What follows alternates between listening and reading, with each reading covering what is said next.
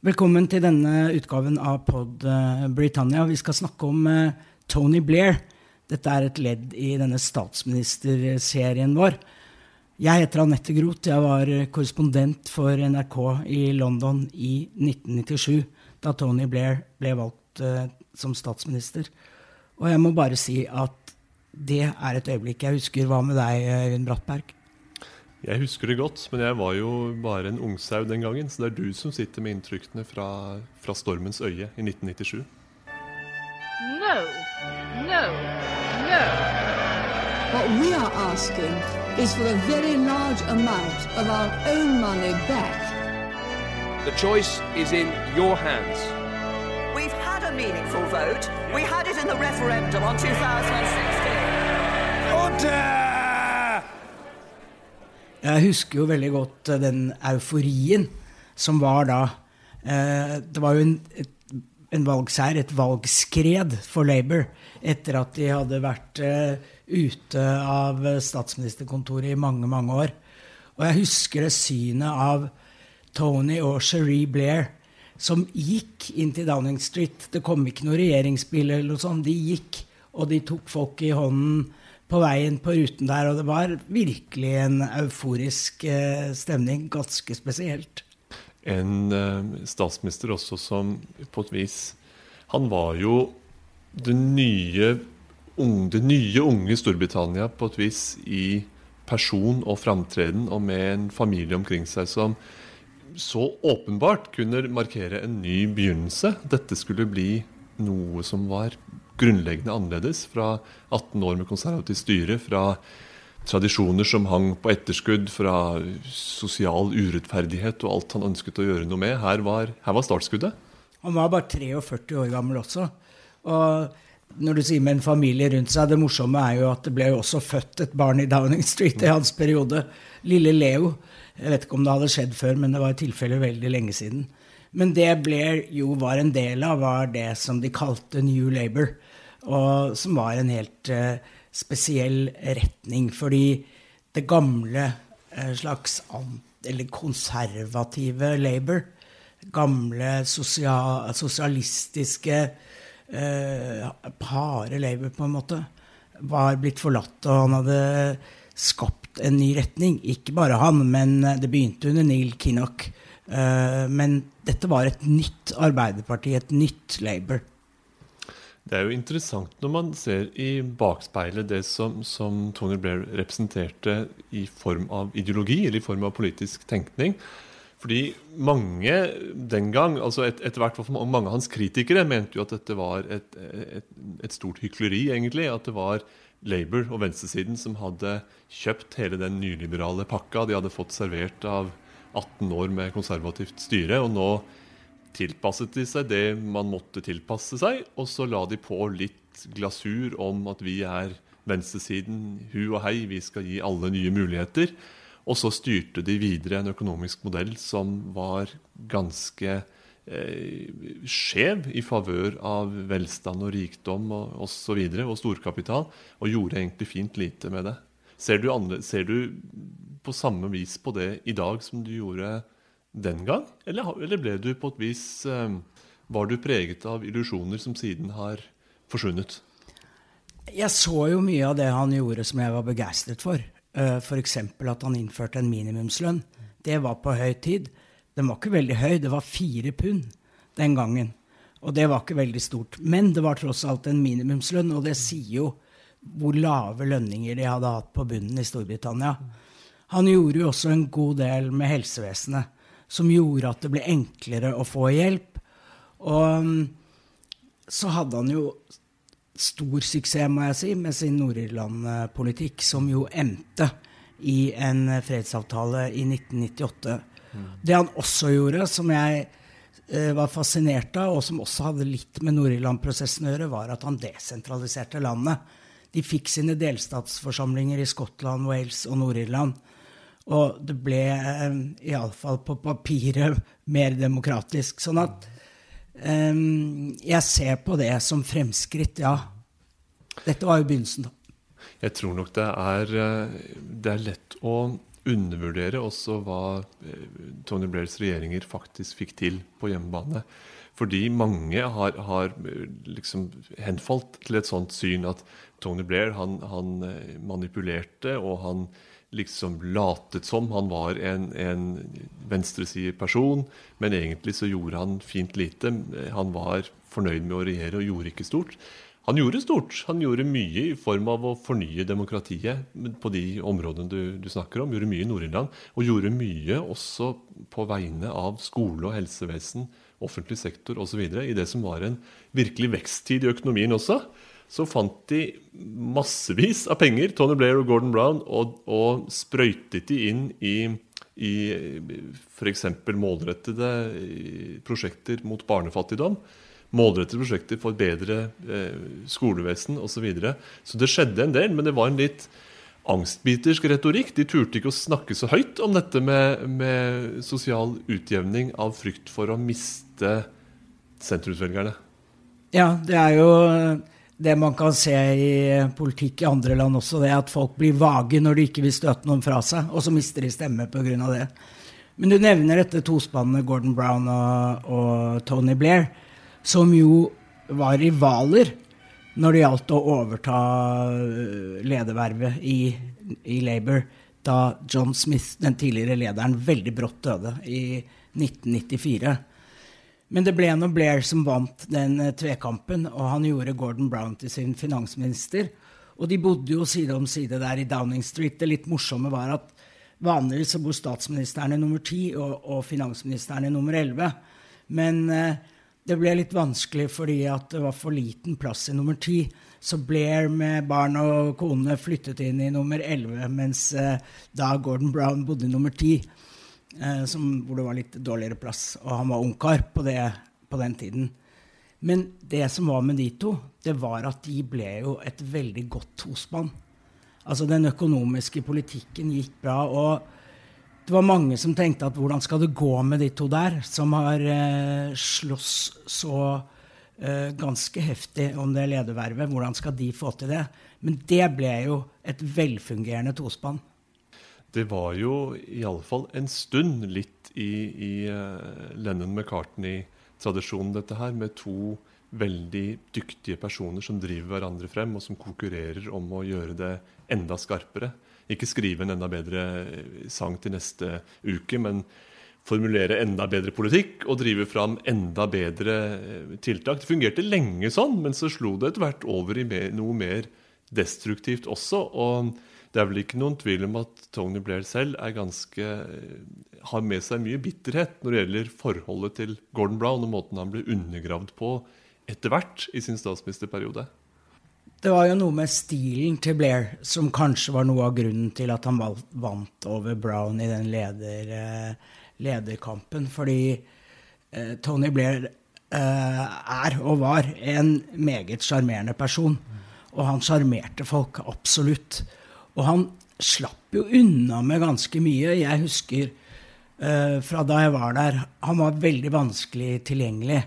Men han hadde en mann som var veldig lett tilgjengelig, som het Alistair Campbell. Han innførte jo dette ordet 'spin doctor'. Og han var talsmann for Tony Blair. Og jeg husker jeg var flere ganger i Downing Street i et sånt lokale der og hørte på Alistair Campbell som la ut. Og etter hvert så ble jo dette ganske vanskelig. Han var ikke folkevalgt, han kom ikke egentlig fra noe spesielt sted, men eh, ble betalt og opptrådte som om han nesten var regjeringen. Hadde du det inntrykket? Det var en såkalt sofaregjering. Det var det mange kalte den gangen. Eh, Blair og en liten krets med lojale eh, medarbeidere. Og de hegnet jo om sin, si, sin autoritet også fordi Gordon Brown hadde en alternativ maktbase både i partiet og i Finansdepartementet. Så det ble jo en slags sånn Nå samler vi noen skarpe hoder omkring meg og gir på med det vi har. Og Tony Blair hadde jo ikke Han hadde jo ikke noe voldsomt svært eh, virkeområde, fordi alt som gjelder finanspolitikk, det er mye hjemlig politikk, det som Gordon Brown skulle ha innflytelse over med sine, sine lange armer. Så Blair forsøkte etter beste evne å, å på et vis grave en, eh, et rom som var stort nok til at han kunne styre landet som statsminister. Og det gjorde han jo veldig godt veldig lenge. Han vant jo med overbevisende margin i 1997. Og så kom det et valg til, og da gikk det jo også veldig bra. Det gikk bra. Det var jo, en, eh, det var jo også et, et, opposisjonsparti der. Torjene var jo eh, preget av en, en masse indre splid og mye talentløst lederskap gjennom denne, gjennom denne, perioden. Men ikke desto mindre så Tony Blair skal ha det at han, han lyktes i å vinne tre valg på, på, rad for Labour. Det er historisk som, som Labour-leder i så måte. Det siste av de valgene var til og med etter Irak-krigen og all misæren som fulgte av det. Så klarte han fortsatt å beholde regjeringsmakt, flertallsregjering, eh, etter, etter, et valg med, med, Labour, det siste valget der i, i 2005. Så han var en, en uh, velgermagnet, det er det ingen tvil om, og hadde popularitet på tvers av ulike samfunnslag og grupper. Ja, Du nevner Irak, eh, og britene var jo også involvert i Afghanistan. Og meget sterkt knyttet til USA. Jeg husker jo at han ble kalt Tony Blair USAs puddel og sånn. At han gjorde alt det som, som USA krevde ham. Og Irak-krigen, det var et skille i populariteten hans. Det, det, var eh, vanskelig for mange briter. Noe av det som er veldig pussig med Blair og Irak, er at han hadde jo et rykte som teflonpolitiker. Virkelig teflonpolitiker i sine første år ved makten. En som alt prellet av på, og en som sjelden tok kontroversielle standpunkter. Han fulgte på et vis, han tok folkemeningen i, i hånden og, og, listet seg stille omkring, nærmest. Men med Irak så slo han om fra teflon til moralist og ble en, en politiker sterkt drevet av personlig overbevisning, og i stor grad på tvers av folkemeningen. Og det bar virkelig galt av sted i møte med, med britisk opinion. Han eh, hadde noen, eller jeg har noen øyeblikk på netthinnen med Tony Blair. Og for å gå litt tilbake fra Irak og dette, da. Prinsesse Diana døde jo eh, siste augustdagen i 1997. Mm. I denne bilulykken i en tunnel i Paris. Og det var jo veldig rare tider eh, i Storbritannia, det der. Men den som og dronningen og familien hennes de var jo på Balmoral, slottet i Skottland, uh, på sommerferie. Og de ble og de ble og de ble der. Og folket sto rundt omkring og sa 'Dronningen vår, hvor er du i denne forferdelige tiden i, i våre liv?' Mm. Og hun kom jo til slutt, da, men lenge før det så kom Tony Blair ut og snakket, og han døpte henne til The People's Princess. Mm. Og det er jo blitt uh, stående. Og det var kanskje et av de store øyeblikkene i hans eh, statsministerkarriere. Dette var jo også tidlig, da. Men uh, det var noen sånne øyeblikk. Denne talen, uh, denne talen, hans, eller uformelle talen på kirkebakken søndag morgen umiddelbart etter dødsbudskapet, er jo noe av det, det største han gjorde av retoriske mesterstykker, fordi, fordi, det fremstår som så eh, ektefølt og riktig, også fordi han snakker på vegne av og til en generasjon som var hans egen, og som også var prinsesse Dianas egen. En generasjon som ønsker et åpnere, lysere, bedre samfunn, og, og som nå hadde, hadde, møtt den store tragedien. Og det var et, et, helt, helt, et helt eventyrlig altså Det er jo fælt å kalle det et eventyrlig øyeblikk, men det var et veldig veldig spesielt øyeblikk. Eh, få måneder etter at han var valgt som statsminister. Helt uprøvd, men samtidig oppgaven voksen så til de grader. Han, eh, Hva tror du blir stående etter ham? Jeg mener, I begynnelsen så var han jo overpopulær, og han vant disse tre historiske valgene på rad. Og han blir husket for flere ting. Men eh, Irak-krigen og det som skjedde etter hvert, altså populariteten hans dalte jo som en sten på slutten. Men hva tror du blir stående etter ham? Her tror jeg vi, vi skal la historiebøkene eh, skrives, og gjerne skrives i flere omganger, fordi Irak-spørsmålet, denne fatale, nære alliansen med, med George W. Bush og, og, det feilaktige grunnlaget for å gå inn i Irak, og på en måte manipulasjonen og alt det som er knyttet til det, det hefter så sterkt ved Tony Blair at det overskygger i dag overskygger det alt annet. Og det gjør det fortsatt. Kanskje i mindre grad nå enn for tre-fire-fem år siden. Men det, det, ligger fortsatt som en tung og mørk sky eh, over ham. Um, kanskje om noen, når vi lar det gå enda et stykke tid og får et litt annet perspektiv og ser hva som fulgte både før og etter Blair, at det vil snus i, i mer positiv retning for det regjeringen faktisk oppnådde under ham. For i dag har jo Labour eh, tatt en annen retning igjen, gått tilbake til det Tony Blair gikk fra. Sånn at eh, Labour i dag er jo slett ikke noe new Labour. Eh, sånn at det er nesten forsvunnet. Mm. Og det var jo det som var varemerket hans. Mm. Så det eh, blir kanskje bare stående som en parentes i historien. Hva vet mm. vi? Det er pussig med de som skulle være Hvis man skulle lete etter arvtakere til, til, Blair, så så man jo David Cameron som opposisjonsleder for de konservative erklærte jo seg selv som en, en, altså en arvtaker til, til Blair. En Blairite, kalte han seg. og det, det, vet ikke om man skal ta det som et kompliment eller ei. Hvis man ser i Europa i dag, så er vel eh, Macron i Frankrike en av de få som som åpenlyst eh, på en måte følger eh, liksom det samme trossettet som, som, New Labour var, eh, var tufta på. I Storbritannia så er spesielt på venstresiden New Labour noe man ikke snakker høyt om. Det er liksom et, et, et mørkt, erklært som et mørkt kapittel. Men noe som også er, er interessant, i, i, sett i perspektiv Blair-epoken, er europaspørsmålet. For det var faktisk en sak som Blair brant for mens man ikke våget å, å, å ta, måte, ta, virkelig tak i. Han lot den i stor grad ligge.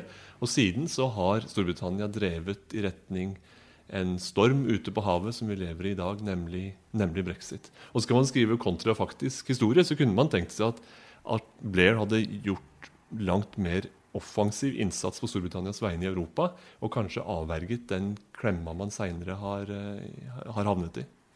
Nå er han jo blant dem som går i tog for å forsøke å hindre at uh, Storbritannia går ut av brexit uh, uten en avtale. Men han har jo ikke den innflytelsen han hadde selv, om han vel blir stående i historiebøkene. Han går heller ikke så ofte i tog som det å gi godt betalte foredrag om saken, tror jeg. No, no, no.